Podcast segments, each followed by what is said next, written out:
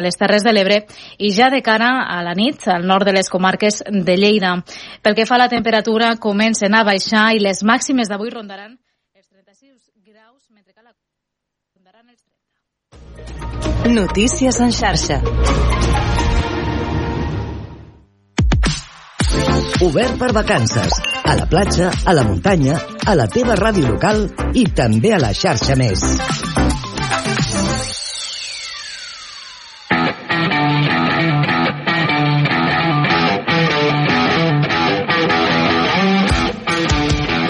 10 i 4, benvinguts de nou a l'Obert per Vacances. Una hora per endavant encara per compartir plegats aquests matins eh, i calorosos matins d'estiu. Si parlem d'estiu i de festivals, la Costa Brava és un dels centres neuràlgics i un dels festivals que està en marxa és el Portal Blau de l'Escala. És així, oi, Cristina Cantal, des de Ràdio L'Escala, com estàs?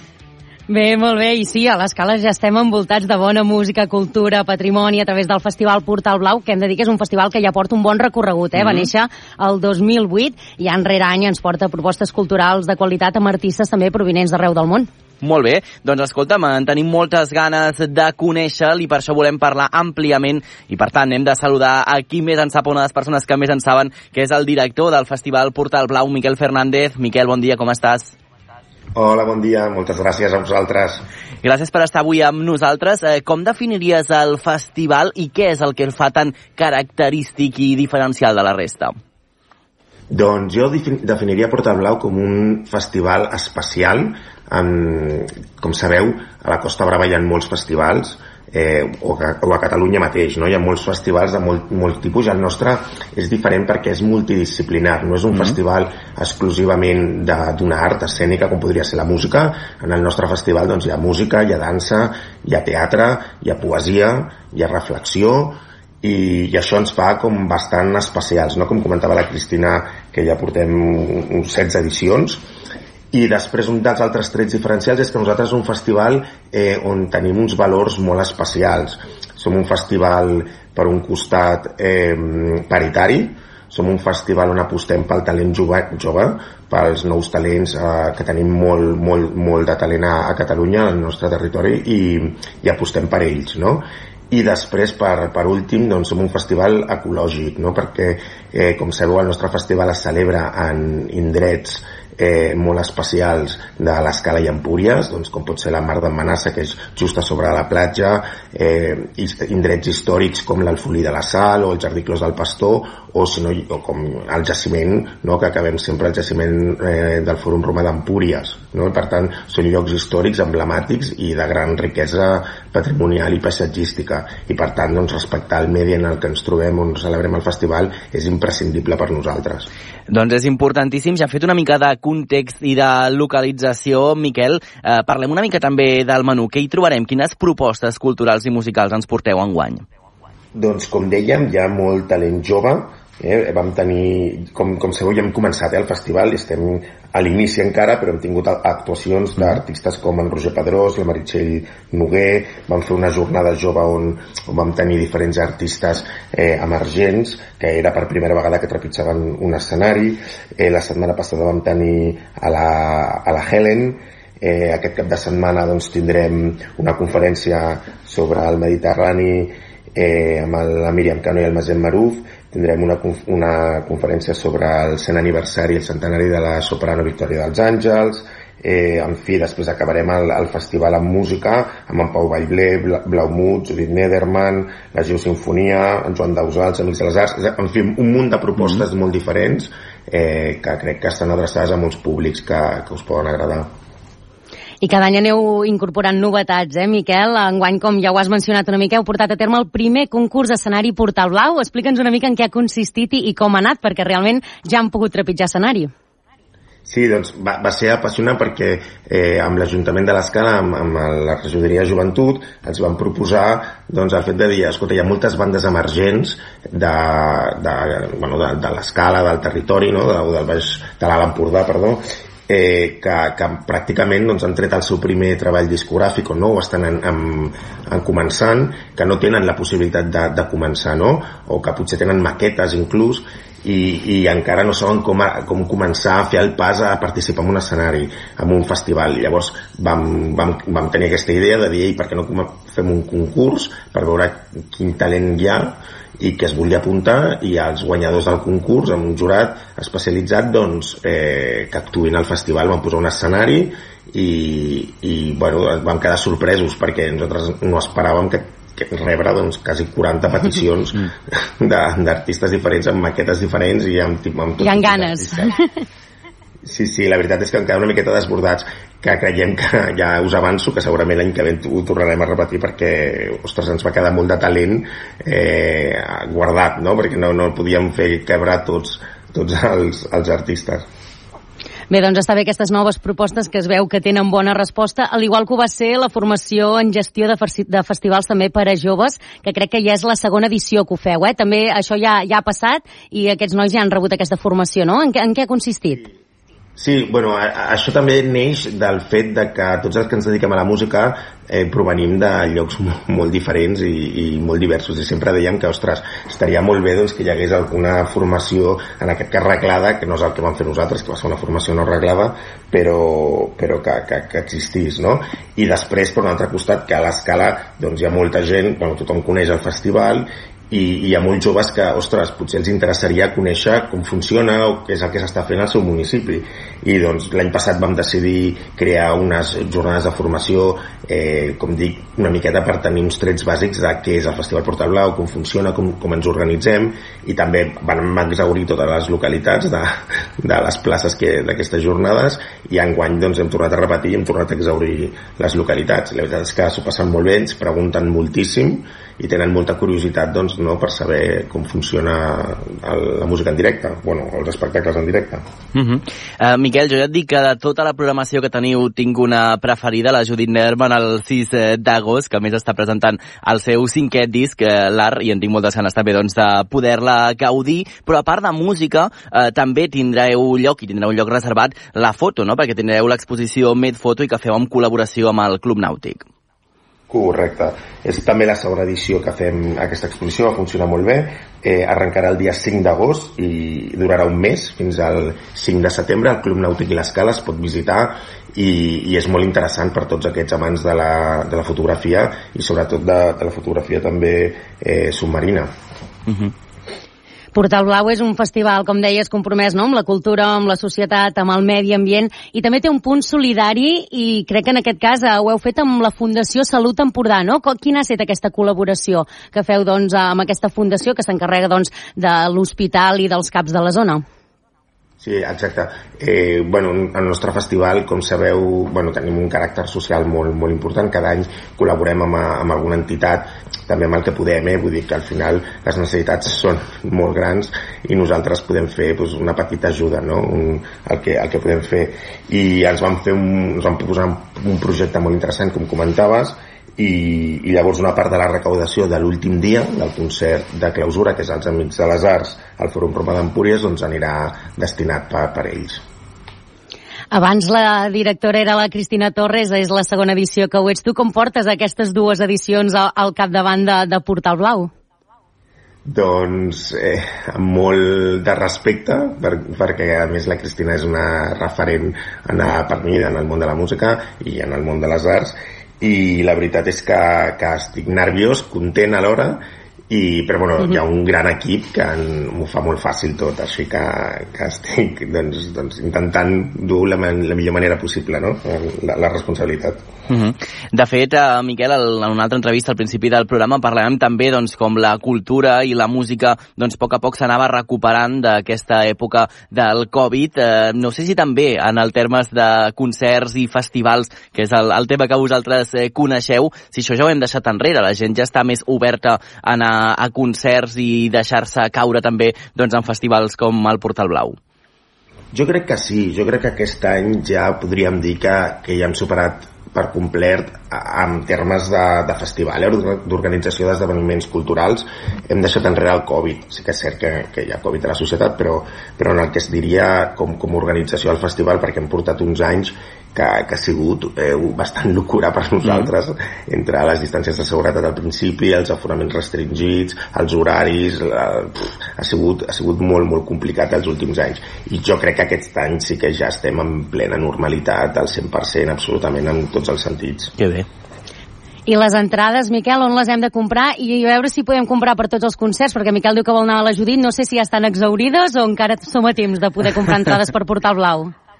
Doncs és molt fàcil. Eh, entrant a la web portalblau.cat, allà està tota la programació, amb tota la informació, horaris, escenaris, absolutament tot. Sí que és cert que hi ha alguns concerts que estan exaurits, eh, en el cas de la Judit, de la Judit Nederman queden poques entrades, Ui. però encara en queda alguna, i afanya't, afanya't. jo, jo sí, sí. A, convido a tothom a, a que hi vingui i gaudeixi de, del festival perquè jo crec que, que val la pena doncs eh, ho farem, eh? de fet ja estic entrant al, al vostre web per aconseguir aquestes eh, entrades per la Judit Nederman a portalblau.cat que és on estan doncs, eh, aquestes entrades i també on podeu consultar tota aquesta programació on entre molts altres també hi serà el Joan Dausà, els Amics de les Arts hem parlat de fotografia, també estarà Blau Mut, eh, Pau Vallvé no sé Cristina, amb tota aquesta programació programació. No sé si tens eh, predilecció per alguna de les propostes.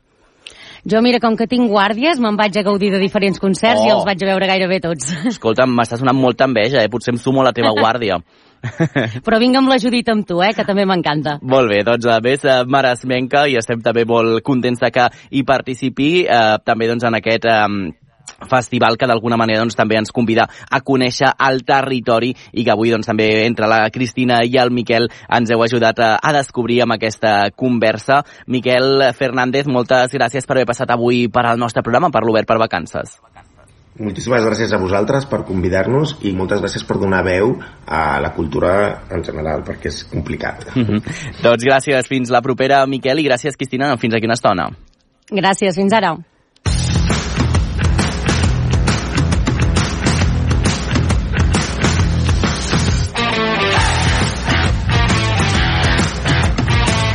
I és dijous, un quart d'onze del matí. Els dijous, ja ho sabeu, és el dia de la paella, però nosaltres, en el lloc de la paella, avui parlarem de pa. Ho fem amb el Jordi Morera, que fa una estona ens acompanyava. Ell és forner i que avui es trasllada a Caldes de Montbui per conèixer l'Ester i la Meritxell Ventura, dues germanes forneres que estan al capdavant de l'Espiga d'Or. Recordeu que si sou panarres teniu tot aquest món per descobrir a la xarxa més, a la versió televisiva de Terra Sapà.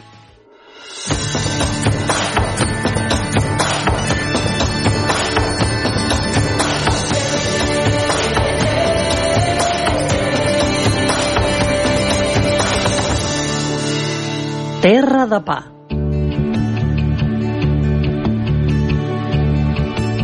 Caldes de Montbui és una vila termal de la comarca del Vallès Oriental. Les seves termes, la seva font del lleó, marquen la temperatura ideal d'un bon forn. Ens trobem a l'Espiga d'Or, també conegut com a Cal Falsina. Fa més de 70 anys que són un fort de referència aquí, a Caldes de Montbui. Tenen dues botigues, però la més emblemàtica és aquesta, la del carrer Major, número 12. Som-hi!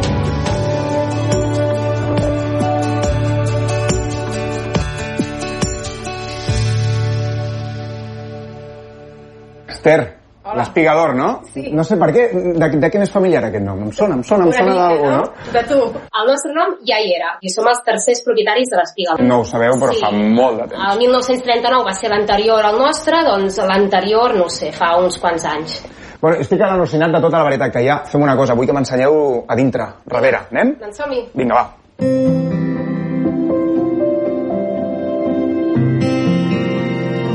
L'Ester i la Meritxell són les forneres de l'Espiga d'Or, germanes i hereves de la tradició de dècades de forn. Aposten pels valors tradicionals i les noves maneres d'entendre el negoci. A mi m'agradava molt el tema de veterinària, sempre m'han agradat molt els animals i volia fer-ho. El que passa que estudiar se'm donava molt malament i llavors la feina d'aquí també m'agradava molt i amb 16 anys me'n vaig anar a l'escola de Barcelona a aprendre de forner i fins a dia d'avui. Jo era fisioterapeuta, però vaig deixar la meva feina perquè en un moment donat em van dir pots venir? I vaig dir, doncs clar que puc. Llavors també vaig fer una miqueta com el meu pare, vaig venir una mica com a tapar forats i aquí estic, i aquí m'he quedat. Ja d'afició no faig res i tot és de, de, de fornera.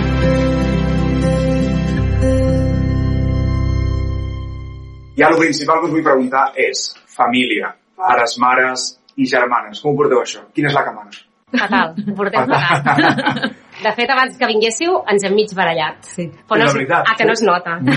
doncs ja està. Com us dividiu les feines? Jo estic a l'obrador i ella es cuida de la part de la botiga i de la part de facturació. Ens hem no. de veure quan hem de parlar de coses importants, però bueno, ella fa la seva part, jo faig la meva, jo no em poso amb la seva, ella no es posa amb la meva, però ens hem de comunicar, perquè de fet el meu afecta a ella i el d'ella afecta el meu. Sí. Com ho porteu, sent dos dones, això? A vegades costa molt que dos noies, a veure, ja tenim 40, però teníem molt menys edat quan estàvem aquí, costa molt que dones i a més a més joves portin un equip d'homes i alguns d'ells són joves però d'altres són grans i tot i així costa. Aneu canviant la manera de treballar de la que feien els vostres pares? El client també canvia? Sí, queden els clients de sempre, però van venint els clients que també et demanen un canvi, que demanen altres tipus de pans, altres tipus d'elaboracions, amb altres tipus de farines, i això és el que hem anat més, fent. sí, més clientela Clar. jove. La Vale. clientela jove et demana més això. La, la clientela més gran no... Hi ha hagut una època que s'ha ficat molt de moda, el pa, el pa és una cosa que la gent coneix més, també amb el confinament, ens ha ajudat molt, Sí. perquè la gent ha sapigut el que era una massa mare, ha sapigut el que era una llarga fermentació i el que era una farina ecològica. I han sapigut eh, que és difícil de treballar-ho, no és fàcil. Quan et diuen treballar aquesta farina, ostres, però sí. La nostra manera de treballar la volem enfocar d'aquesta manera. Llavors, el pas està anant bé. O sigui, al final és que la gent vegi el que feu. Aquí zero màrqueting. Total, total, no, no? Aquí Perquè és... ja és el dia a dia. Sí, aquí és eh, poder explicar-t'ho bé al client i quan et, per això està bé que ella estigui a l'obrador, jo estic a botiga, perquè jo li dic, eh, ens demanen això, val, doncs vinga, provem de fer-ho, que surt un nyap, doncs no ho fem, que surt bé, doncs endavant. Volem fer una farina nova, vinga, va, aquí té aquesta farina, anem-la a buscar, anem-la a comprar, anem-la a treballar, anem a fer una prova. Joana, us teniu gaires varietats? La gent es tornarà molt boja si entra a la vostra botiga? Eh, Divendres i dissabtes la gent... es- eh, Sí? Sí, tenim, bueno, moltes. Hem hagut d'ampliar estanteries. Sí.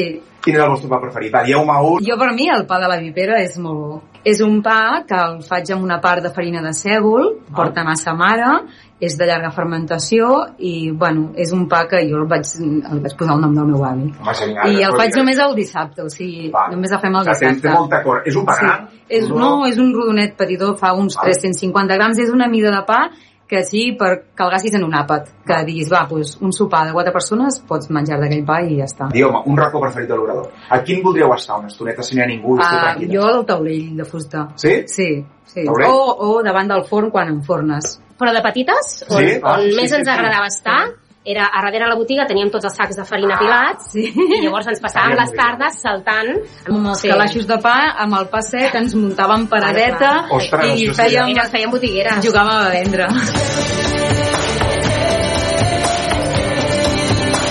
Terra de pa.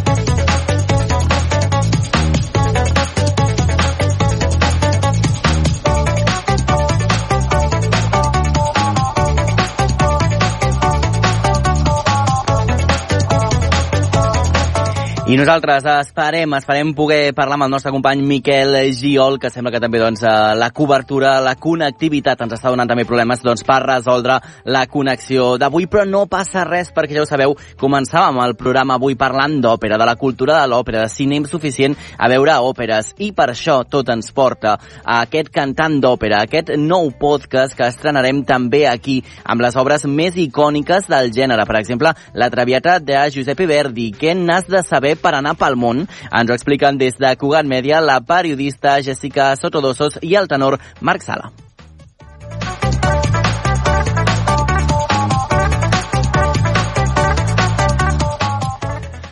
Pretty woman, walking down the street, pretty woman, the kind I like to meet, pretty woman. Aquesta sí que saps què és. Sí, sí, sí, aquesta perfe... he vist moltes vegades la pel·lícula. La pel·lícula és una cançó de Roy Orbison que van agafar el títol per fer Pretty Woman, la, cançó, la, la, la pel·lícula famosa de Julia Roberts i Ro, eh, Richard Gere. Richard Gere, sí. Richard Gere. I ara estic Gere, pensant, i què té a veure això Què té a veure? Doncs que és avui amb el exactament... cantant d'òpera? Amb el cantant d'òpera, doncs que aquesta pel·lícula és exactament la- l'argument la, de la Traviata de Verdi. Ah, que es van copiar. Pues totalment, però la van portar, diguéssim, a, a Hollywood, diguéssim, però és, és tanta la, la, la referència a la Traviata que hi ha un moment, no sé si recordes, que, Sí. que se la porten a l'òpera. Ell, Quan diu, el del gust m'he pixat a les calces, alguna cosa així, no? Sí, que se me caen las bragas. No, que la òpera la embriaga. Sí. I algo així. I, exacte. I doncs això, eh, van anar, van anar a veure la Traviata i l'escena final que apareix ell amb una Ah, limusina sí. blanca i unes... És amb la música de Traviata, Ama mi Alfredo, que és una Mhm. meravella, és una meravella. Doncs bé, eh, avui parlem de la Traviata de Verdi. I què ens pots explicar? Si no coneixes la Traviata de Verdi, has de saber que és una òpera amb música de Giuseppe Verdi i amb llibret, amb el text de Francesco Maria Piave. Es va estrenar a la Fenicia Venècia el 1853 i està basat en La dama de les camèlies d'Alexandre Dumas.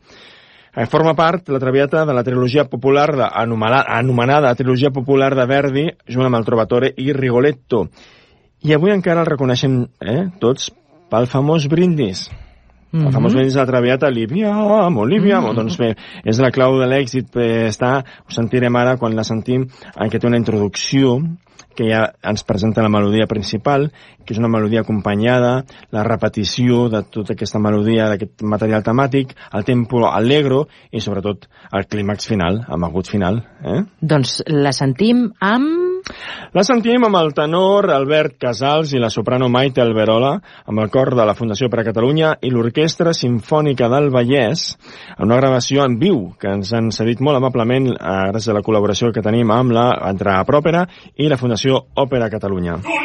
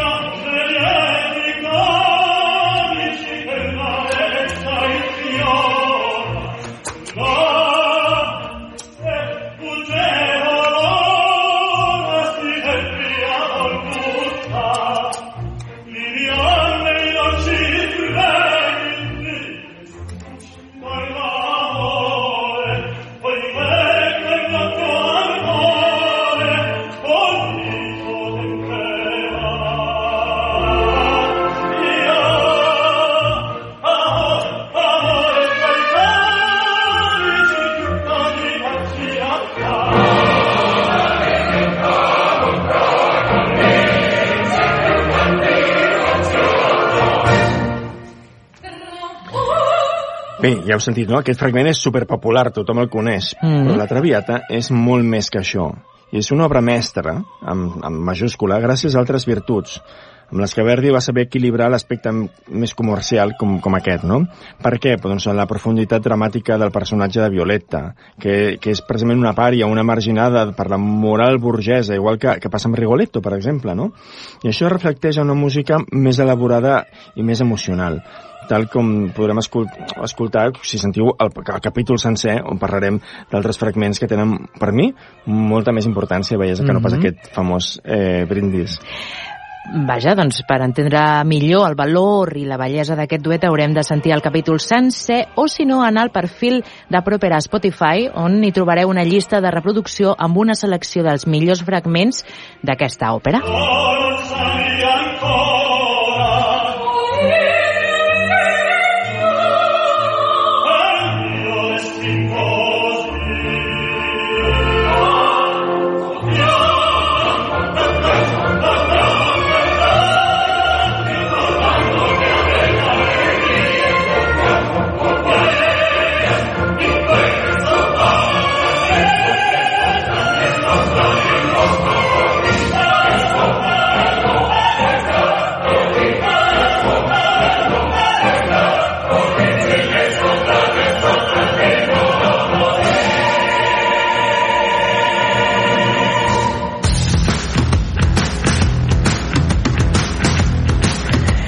Gràcies també per aquest cantant d'òpera. El cantant d'òpera, ja ho sabeu, cada dijous ens arribarà puntual aquest podcast amb els companys de Cugat.cat i tots aquests episodis els trobareu a la xarxa més. I em sembla que ara sí que podem saludar el nostre company del nou, o del grup de Els Nous, Miquel Giol. Com estàs? Bon dia. Bon dia, Miquel. Doncs sembla que tenim problemes per escoltar el Miquel Giol de Al nou FM en aquesta connexió. Eh, no passa res, nosaltres tenim encara mitja horeta de programa per endavant. El que hem de fer és anar cap a la nostra agenda. Tenim plans perquè no us perdeu arreu del territori i qui ens explica, com sempre, és el nostre company Àlex Riba. Agafeu la vostra agenda, agafeu un bolígraf, un llapis, un fluorescent, el que feu servir per anotar les vostres coses perquè us comencem a desvetllar un munt de propostes arreu de Catalunya. Sintonitza Obert per Vacances.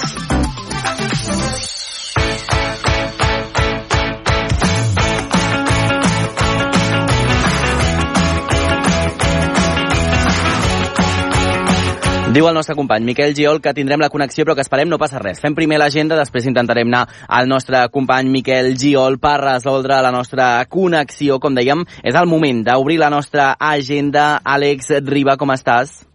Bon dia, Manel. Bon Tot dia. Bé? Tot bé. Ahir vam descobrir, vam descobrir com un gran seguidor d'Aitana. Uh, a veure avui per on ens porta les coses. Uh, quines propostes ens porta la nostra agenda arreu de Catalunya? Doncs avui, ja que ens hem focalitzat tant en l'òpera, doncs comencem amb un espectacle d'aquest àmbit artístic. Uh Mhm. -huh. Es tracta de Tosca, l'òpera de Puccini, que es representarà divendres vinent a la Tarra Corena Plaza amb un sentit molt especial. És un projecte quilòmetre zero, que va arrencar fa un parell d'anys amb l'obra Rigoletto.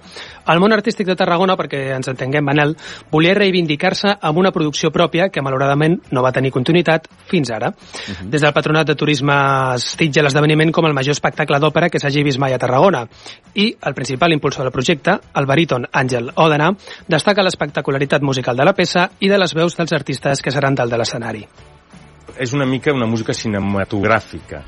Puccini era així. Puccini realment, amb tot el que escrius, no, sense mirar l'òpera tu ja pots saber el que està passant. De fet, jo crec que és el precursor després dels musicals, de la música de cinema, i, i llavors és, és una meravella. I, I es necessiten unes veus grans, que tinguin una tècnica molt adequada com perquè per superar orquestres importants, perquè les orquestres aquí toquen fort, i ha moments en toquen molt fort, bueno, Puccini ho va voler així. L'obra compta amb la participació de grups del territori com el Cor de l'Òpera de Tarragona o l'Orquestra de l'Òpera de Tarragona, però també pot presumir de tenir artistes internacionals com Vanessa Goicochea, Alejandro Roy i el mateix Àngel Òdena. Uh -huh. Doncs una proposta que ens apuntem a la nostra agenda, la primera cita imprescindible de la setmana vinent. Què més ens portes avui? Doncs ara ja sí que sí, eh? deixem enrere l'òpera, que ja hem tingut suficient per avui, i passem a parlar d'una exposició de Jaume Plensa anomenada Poesia del Silenci. Es tracta d'una mostra que es podrà visitar fins aquest diumenge a la Pedrera, a Barcelona, i que ens descobreix un perfil desconegut de l'exitós escultor. Concretament, l'exposició agafa la inspiració de l'artista amb la poesia com a fil conductor. Uh -huh. El recull també compta amb temàtiques recurrents en la seva trajectòria, com el silenci, el somni, la música i la família. L'entrada general és de 12 euros, però també hi ha diversos descomptes i packs per a combinar l'entrada a l'exposició amb una visita a la Pedrera. Doncs escolta'm, eh, que completa realment aquesta agenda i a més, sí, eh, passant per allà, doncs és també l'oportunitat de visitar llocs tan emblemàtics com la Pedrera, clar. Mm -hmm. Tu hi has estat mai, Manel? Oh, tant, sí, sí. Jo crec que és una d'aquelles excursions, eh, vaja, dels que vivim a les rodalies de, de Barcelona, que és gairebé obligada amb les escoles, eh?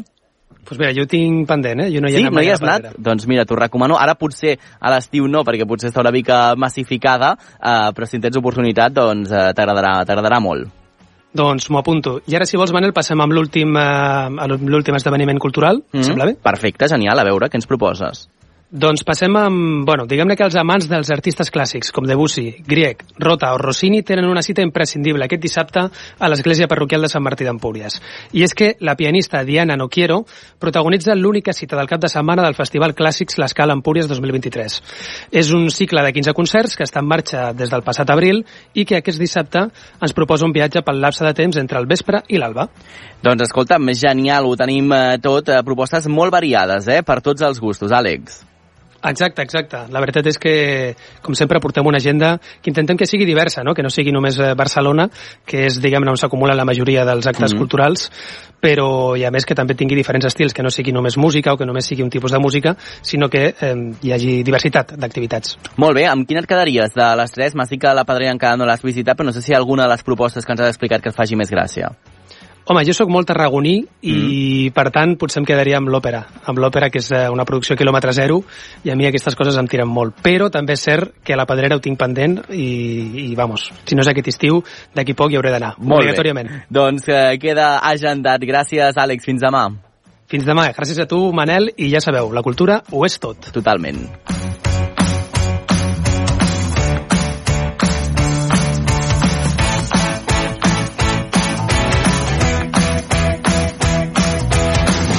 I ara sí, quan passen 4 minuts a dos quarts d'onze del matí, anem a intentar també eh, connectar amb el nostre company, a veure si ara sí que el tenim nosaltres, Miquel Giol, als nous. On estàs avui? Doncs bon dia, Manel, ara sí que hem pogut connectar. Perfecte. Avui, ara que ja ha arribat l'hora, eh, ja us puc desvelar on som avui. Eh, arribant a la coneguda plaça Major de Vic, com hem dit a primera hora, mm -hmm. avui he entrat a, vi a visitar la llibreria Anglada, un negoci històric de la ciutat que porta més de 100 anys a la plaça Major i que encara hi conserva una bona part de la seva forma original. Podem veure moltes pintures també, eh, sobretot al seu sostre. I tot i haver tingut reformes, evidentment, eh, eh, encara es manté en aquest estat original amb algunes peces que, eh, que, que encara són molt maques de veure. I ja que som aquí, tenim la sort de que ens ha acollit el, el propietari de la botiga, en Jordi Inglada, per parlar amb ells una estona sobre aquesta botiga de, que des de fora ja té un encant especial que et convida molt a entrar, un, un aparador molt bonic. Bon, bon dia, Jordi. Hola, bon dia, Miquel. Bé, com dèiem, estem parlant d'un negoci molt antic. Ens sabries explicar una mica la història d'aquesta botiga, que si no m'equivoco va, va començar sent una impremta. És a dir, de fet, l'origen del negoci familiar és una impremta. Eh? eh? És a dir, el primer Anglada que es posa al capdavant del negoci és un impressor i ell es dedica només doncs, a fer d'impressor. I llavors la impremta, de fet, no està a la plaça, sinó que està al carrer de la Ramada, a la vora de la catedral. Eh, ara bé, eh, a partir del 1860, eh, l'Anglada impressor busca un, un espai a la plaça per vendre tot allò que produeix a l'impremta, que estem parlant de revistes, estem parlant de llibres, estem parlant també de quaderns, estem parlant de llibres de comptabilitat. És a dir, tot aquest material que ell fabricava o editava a l'impremta doncs, necessitava un punt de venda que fos accessible, que fos un lloc cèntric. I aleshores és quan lloga un espai a la plaça, que és eh, eh, el lloc on encara nosaltres tenim la llibreria. Uh -huh. Escolta, Bé, uh... no anava a preguntar, Miquel, nosaltres que no tenim la sort d'estar amb en Jordi com ho estàs tu, els que estem imaginant-nos una mica aquest espai. Jordi, explica'ns una mica com és l'interior de la botiga i per què té aquest uh, encant tan especial. Uh, vale. Uh, a veure, potser un, un dels elements més significatius de la botiga és que el sostre, o el fals sostre, diguéssim, és un, és un fals sostre d'una tela pintada. Mm. Estem parlant d'un fals sostre que es va pintar l'any 1900 i que reprodueix un, uns dibuixos que combinen les sanefes gregues amb, amb, amb motius florals.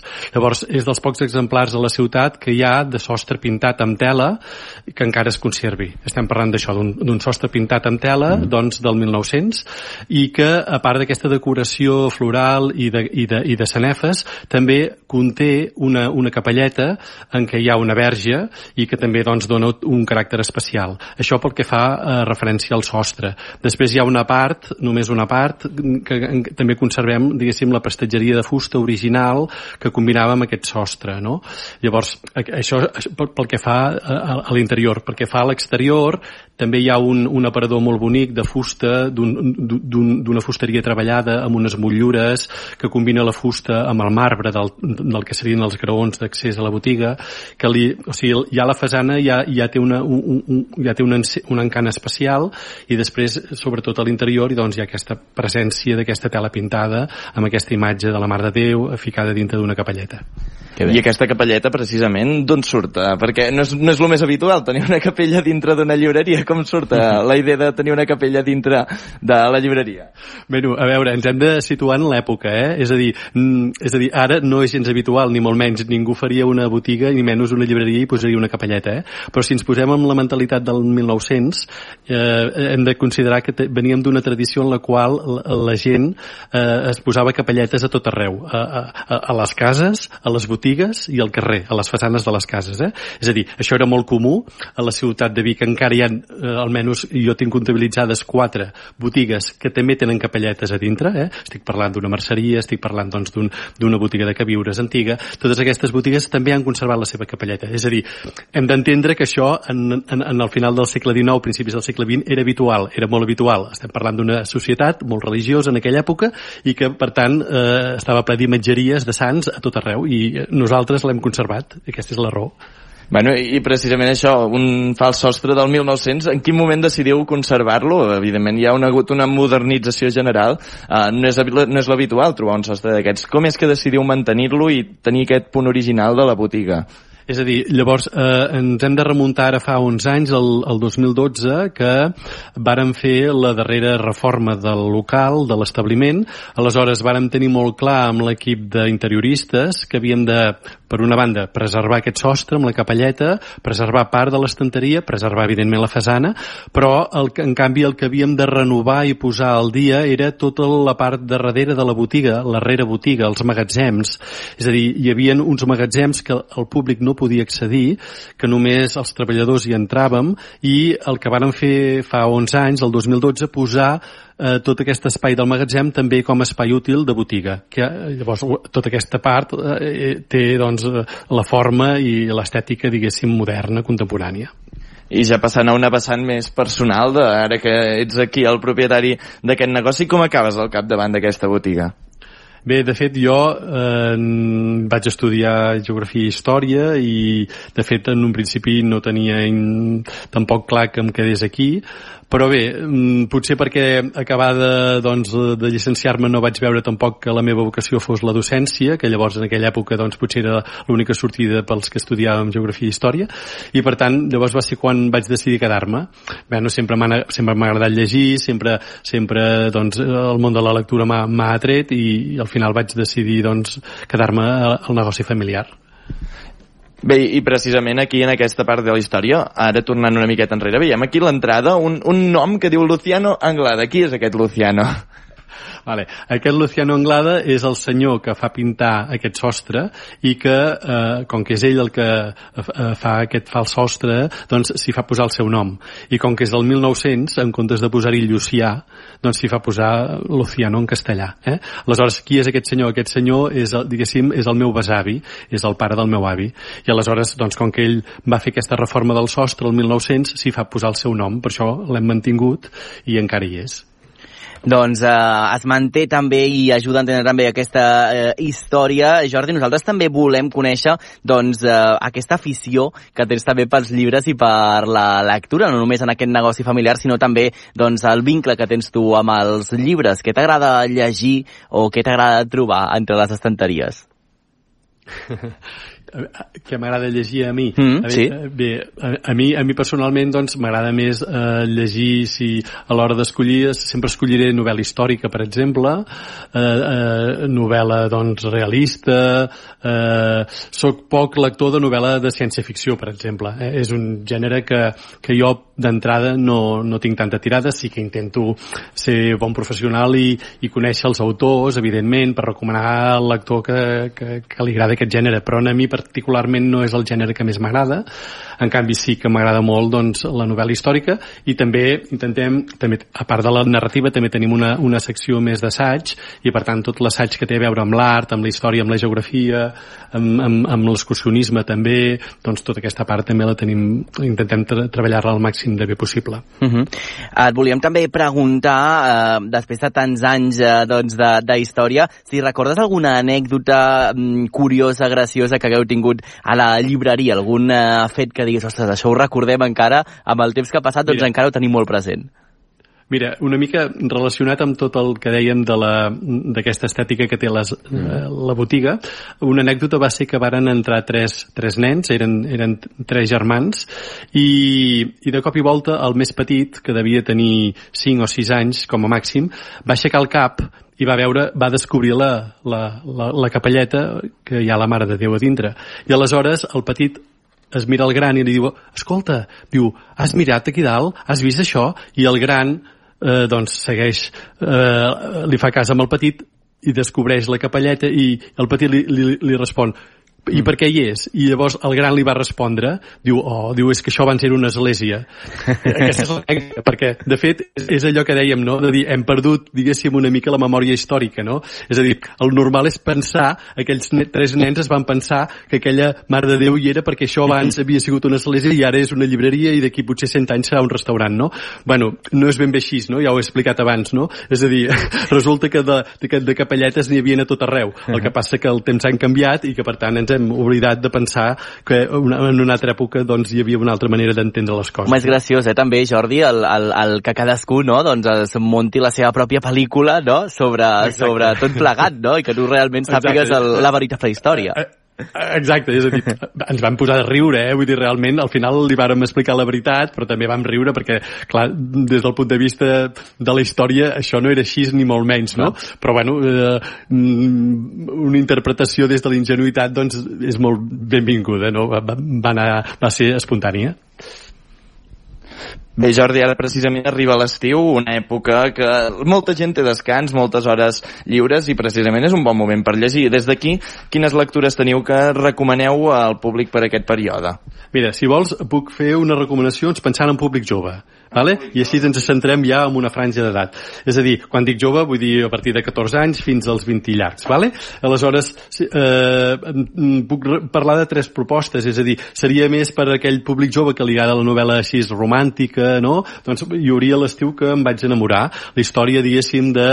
Són tres, tres, dos nois i una noia que sempre han sigut amics, que de fet de, des de petits ja, ja coincidien eh, en el període de vacances i que un cop ja a partir d'una edat ja es comencen, diguéssim, a sentir alguna cosa, és a dir, que apareix el, un primer enam- enamorament. Llavors és una història maca, dolça, sobre, sobre l'esclat dels sentiments.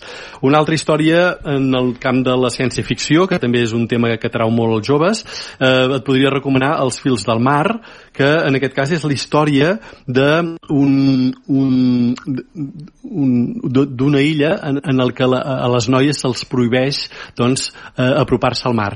Perquè hi ha la, la llegenda que diu que quan una noia s'apropa al mar doncs el mar la pot engolir. I per tant diguéssim que les noies estan privades tenen, estan, estan limitades i no poden accedir ni tan sols a banyar-se ni, ni tan sols a observar una mica eh, el mar. Llavors eh, la protagonista d'aquesta novel·la és molt transgressora, ella no hi està d'acord amb aquesta tradició oral que ha sentit a casa tota la vida i eh, el que farà serà llançar-se al mar per descobrir si això és una manera perquè tinguin les noies lligades o esclavitzades o si realment aquí darrere el que hi ha és una font de llibertat, no? És una història molt maca.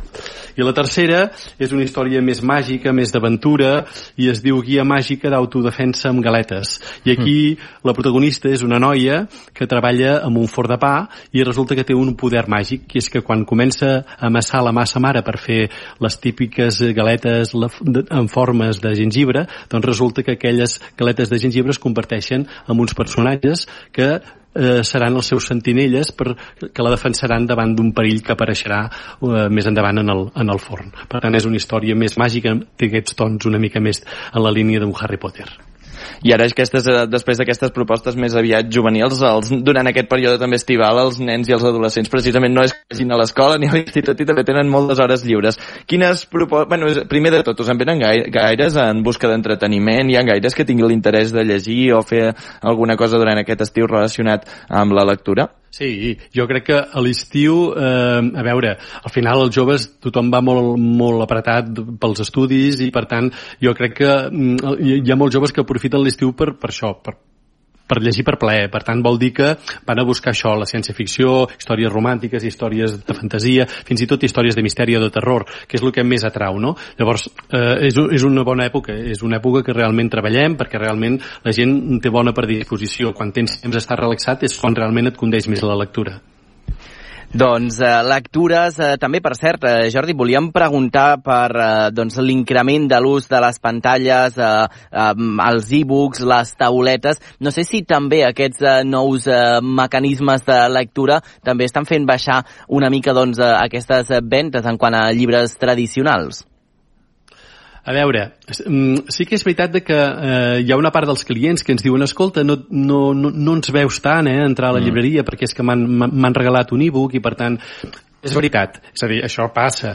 Eh, per, per tant, estem, estem parlant d'un tipus de públic que eh, ha accedit eh, doncs, amb aquest altre format més, més, més digital però també t'he de dir que, que, que, que molts també em diuen que, que no renuncien al, al paper. És a dir, que, que el fet de que d'alguna manera també estiguis tot el dia per temes laborals doncs, treballant davant d'una pantalla, que quan arribes a casa el que no vols és tornar a agafar un, ni que sigui una tablet o un e-book per, perquè tornes a estar amb un suport de pantalla. No? Mm. Per tant, eh, diuen, l'utilitzo i a vegades doncs, és pràctic perquè me'n vaig de viatge i així no m'emporto i no pesen. No? Però també t'he de dir que, que, que et diuen és que ara necessito paper, perquè em, em relaxa, perquè a més a més el contacte amb el disseny de la coberta, tot això m'ajuda i em, em, no sé, em, em, em dona més bon rotllo, no?, d'alguna manera. Per tant, eh, convi... jo crec que hi ha un tipus de lector que conviu amb els dos formats sense abandonar el paper. Doncs és una sort. I per altra banda, l'altra gran sort que tenim els llibreters és que eh, el llibre en paper continua sent un objecte de regal. I això, evidentment, tu, si has de regalar un llibre, no regalaràs, evidentment, Clar. en un format digital, no? Clar. Per tant, per sort, mentre puguem encara regalar-nos llibres, els regalarem sempre en paper. Molt bé. I ja per acabar, Jordi, uh, veient la descripció que ens has fet d'aquests llibres més aïllats juvenils, t'has llegit tots els llibres d'aquí a, la, a la llibreria per, perquè de la, de la manera que ens els has descrit ha sigut realment uh, molt explícit. A veure, no, no, no, uh, si haguéssim només de llegir llibres no faríem res altra cosa, no? Per tant, no faríem de llibreters. la gestió d'una llibreria també vol dir moltes altres feines. Evidentment no ho podem llegir tot. Uh, tant jo com les meves companyes treballadores de, de, de la llibreria llegim. Llegim i ens ho expliquem i per tant uh, que quan, quan, quan ens ho hem explicat és com si ens ho haguéssim llegit perquè, eh? Uh, però llavors què fem? Més enllà del que podem llegir, que és poc, evidentment, perquè no tenim tantes hores per fer-ho, però en canvi sí que tenim molta informació complementària, tenim molts dossiers, tenim molts quaderns que ens donen molta informació sobre aquells llibres. Llavors això sí que ens ho mirem molt en detall, intentem molt filtrar, a partir d'aquí eh, a vegades fins i tot ens mirem així una mica en transversal el llibre per, perquè puguem veure en quin és l'estil i a partir d'aquí doncs donar tota la informació que calgui, però evidentment a vegades no ens l'hem llegit, això és la veritat, no, no seria enganyar, no? Però bueno, eh, sí, que intentem saber, eh, almenys en part, la gran part del que tenim, mm, per qui pot servir. Eh, que això ja és molt important. Bé, doncs moltes gràcies Jordi, ja ho veieu, avui entre llibres i història quedem la connexió d'avui, perquè en part ara tenim uns quant, unes quantes uh, lectures de deures, però en tot cas uh, ens repassarem demà i ens tornem a veure demà amb una altra connexió. Tu, Manel, ja tens algun llibre preparat per llegir d'aquest estiu? Doncs uh, mira, tinc la feina pendent d'anar a cercar-los o, o, o bé de mirar quins tinc a l'estat de casa, perquè durant l'any ens arriben molts llibres, entrevistes que fem, i tinc, per tant, uh, deures uh, també, no? Com quan anàvem a l'escola i ens posaven deures a lectura per l'estiu, doncs uh, similar. Uh, Miquel, moltes gràcies i Jordi Anglada, gràcies també per obrir-nos les portes de casa teva. Molt bé, gràcies a vosaltres. Fins la propera.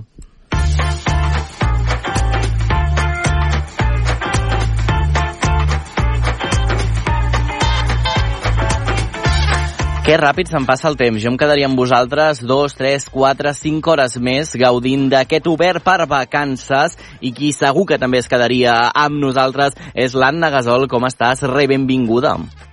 Hola, Manel. I tant que m'hi quedaria, hores i hores. A més, amb tanta cultura, eh? Totalment, totalment, amb la cultura que ens acompanya sempre. Eh, escolta'm, eh, Anna, mm, no sé si hem seguit recollint més eh, propostes per aquesta cançó de l'estiu. Si et sembla, recordem una vegada més com pot la gent participar en aquest concurs de la cançó de l'estiu. Primer et dic que sí, que tenim propostes, et deixo tranquil, mm. i ara continuo. Eh, qui em vulgui enviar més, perquè això no pararà, eh, pot enviar un àudio al 628 841 055, repeteixo, Molt bé. 628 841 055, i en aquest àudio ens heu de fer constar el vostre nom, la ubicació allà on sou i la cançó de l'estiu que proposeu. Mhm. I això també ens encanta, ens agrada moltíssim que ens expliqueu què ha motivat aquesta proposta. Per exemple, ahir Manel, la Mariona ens deia que el xalalà de Figa Flowers Sí. li recordava el bon rotllo dels campaments, Mm Mm, ara l'Antoni de Benavent, que ens explicava que a la platja dels Tiets el fa pensar que a Lleida ens falta una platgeta. A vosaltres no, eh? Exacte, no, no, aquí de platges en tenim moltíssimes. Si et sembla, Anna, abans de- d'escoltar algunes propostes més, podem fer com una demostració. Tenim el Carles eh, Soler preparadíssim perquè eh, tu ens has dit una de les teves propostes. Si et sembla, Anna, fem, mm, ens tens la teva cançó, que és la d'Ai Dolors, si et sembla, fem com que ets un oient del programa i canvies una nota de veu i així fem la recreació en directe. Què et sembla, Anna? Em sembla superbé. Va, doncs vinga, jo faig el clink-clink i tu comences a parlar, vale? Jo faig el soroll del WhatsApp. Fixa't com, fins a quin punt puc arribar, Anna. Va, estàs preparada pel show? Preparada. Doncs vinga, clink-clink. Hola, em dic Anna, vinc de Lleida i la meva cançó de l'estiu és L'Ai Dolors dels Manel perquè aquest... que em talleu el motiu! Exacte, exacte, digues. perquè el seu ritme aquest dolç però alhora animat em fa, em porta a bones records dels vespres d'estiu.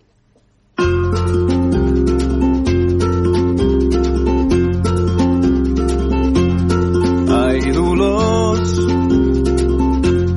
porta'm al ball.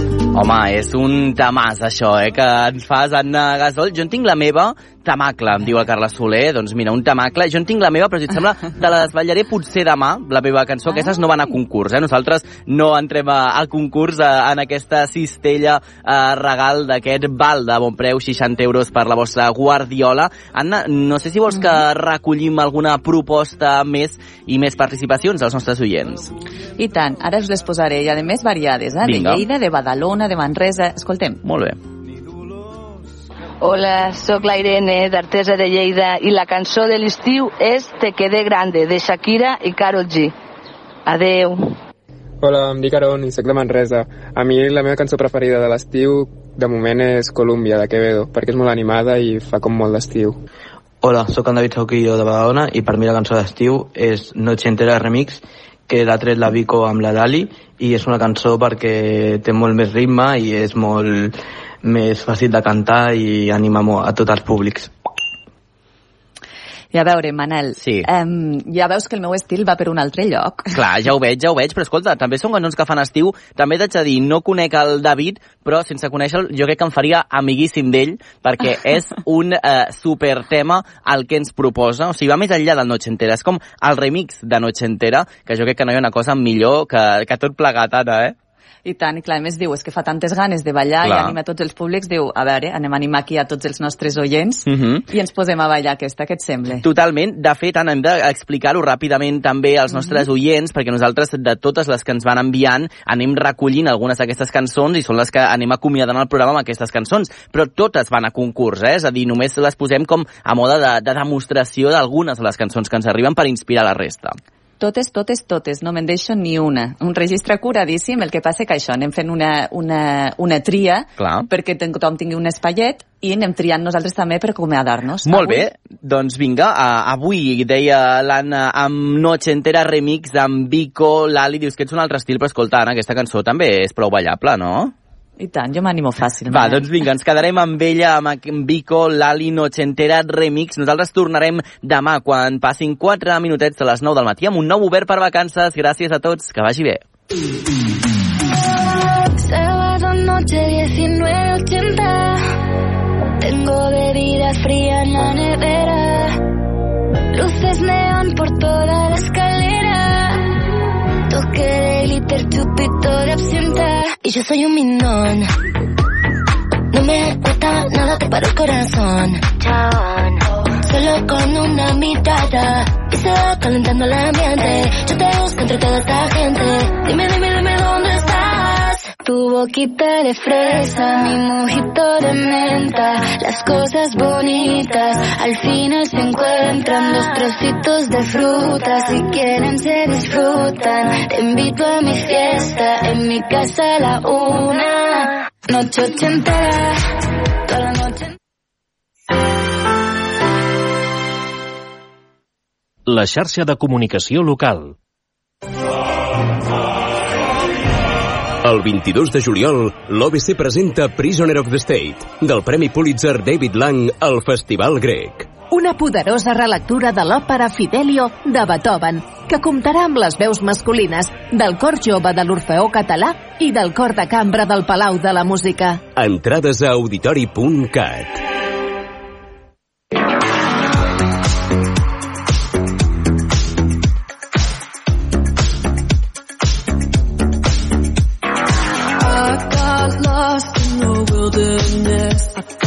I was surely falling apart. The pain you caused cut so deep, truly was a work of art.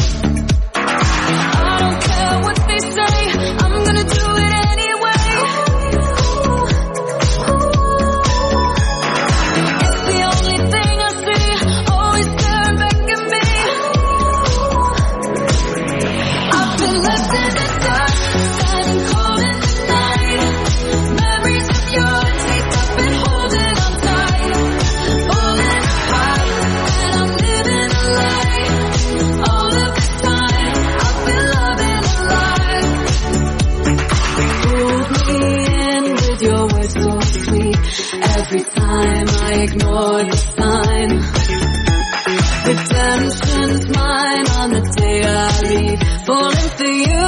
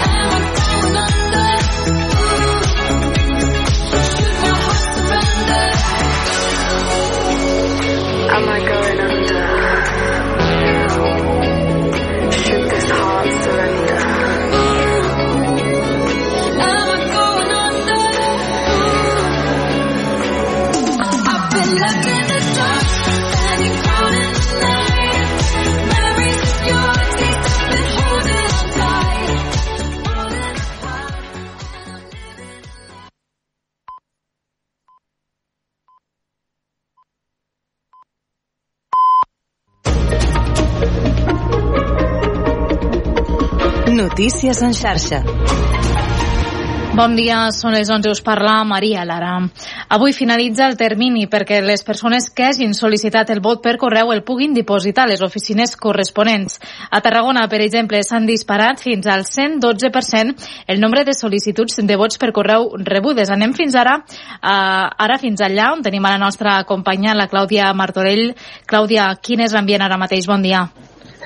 Bon dia. En l'últim dia de vot per correu a les dependències de Correus de Tarragona es registra certa normalitat. Avui aquí a les oficines situades a la plaça Corsí, al centre de la ciutat, es barreja la gent que ve a recollir algun paquet de missatgeria amb aquells que volen exercir el seu dret a vot a aquestes pròximes eleccions generals del 23 de juliol. Els treballadors de Correus ja havien reclamat un increment de la plantilla per afrontar aquesta llau de feina i cal recordar que aquests dies se suma l'absència per vacances de part de la plantilla amb l'increment de treball, clar, que dona el vot per correu d'aquestes eleccions generals. Segons els càlculs de correus, l'increment de sol·licituds de vot anticipat a Tarragona ha augmentat un 112% respecte a les passades eleccions municipals de, del maig. Fins ara s'han rebut més de 18.200 sol·licituds davant de les 8.600 de les passades eleccions eh, tot i que algunes de les persones que han vingut avui han sortit sense poder votar per falta de documentació o per no haver fet la sol·licitud a, a temps. És tot des de les oficines de Correus a Tarragona. Gràcies, Clàudia. Bon dia. Moltes gràcies. Bon dia. Igualtat i Feminismes intensifica la prevenció de les violències masclistes en l'oci i en els espais públics davant l'increment d'activitats multitudinàries com concerts i també festes majors durant l'estiu. Per segon any consecutiu impulsa formacions adreçades a les plantilles dels ens locals i les entitats que gestionen els punts liles per millorar així la prevenció de les violències sexuals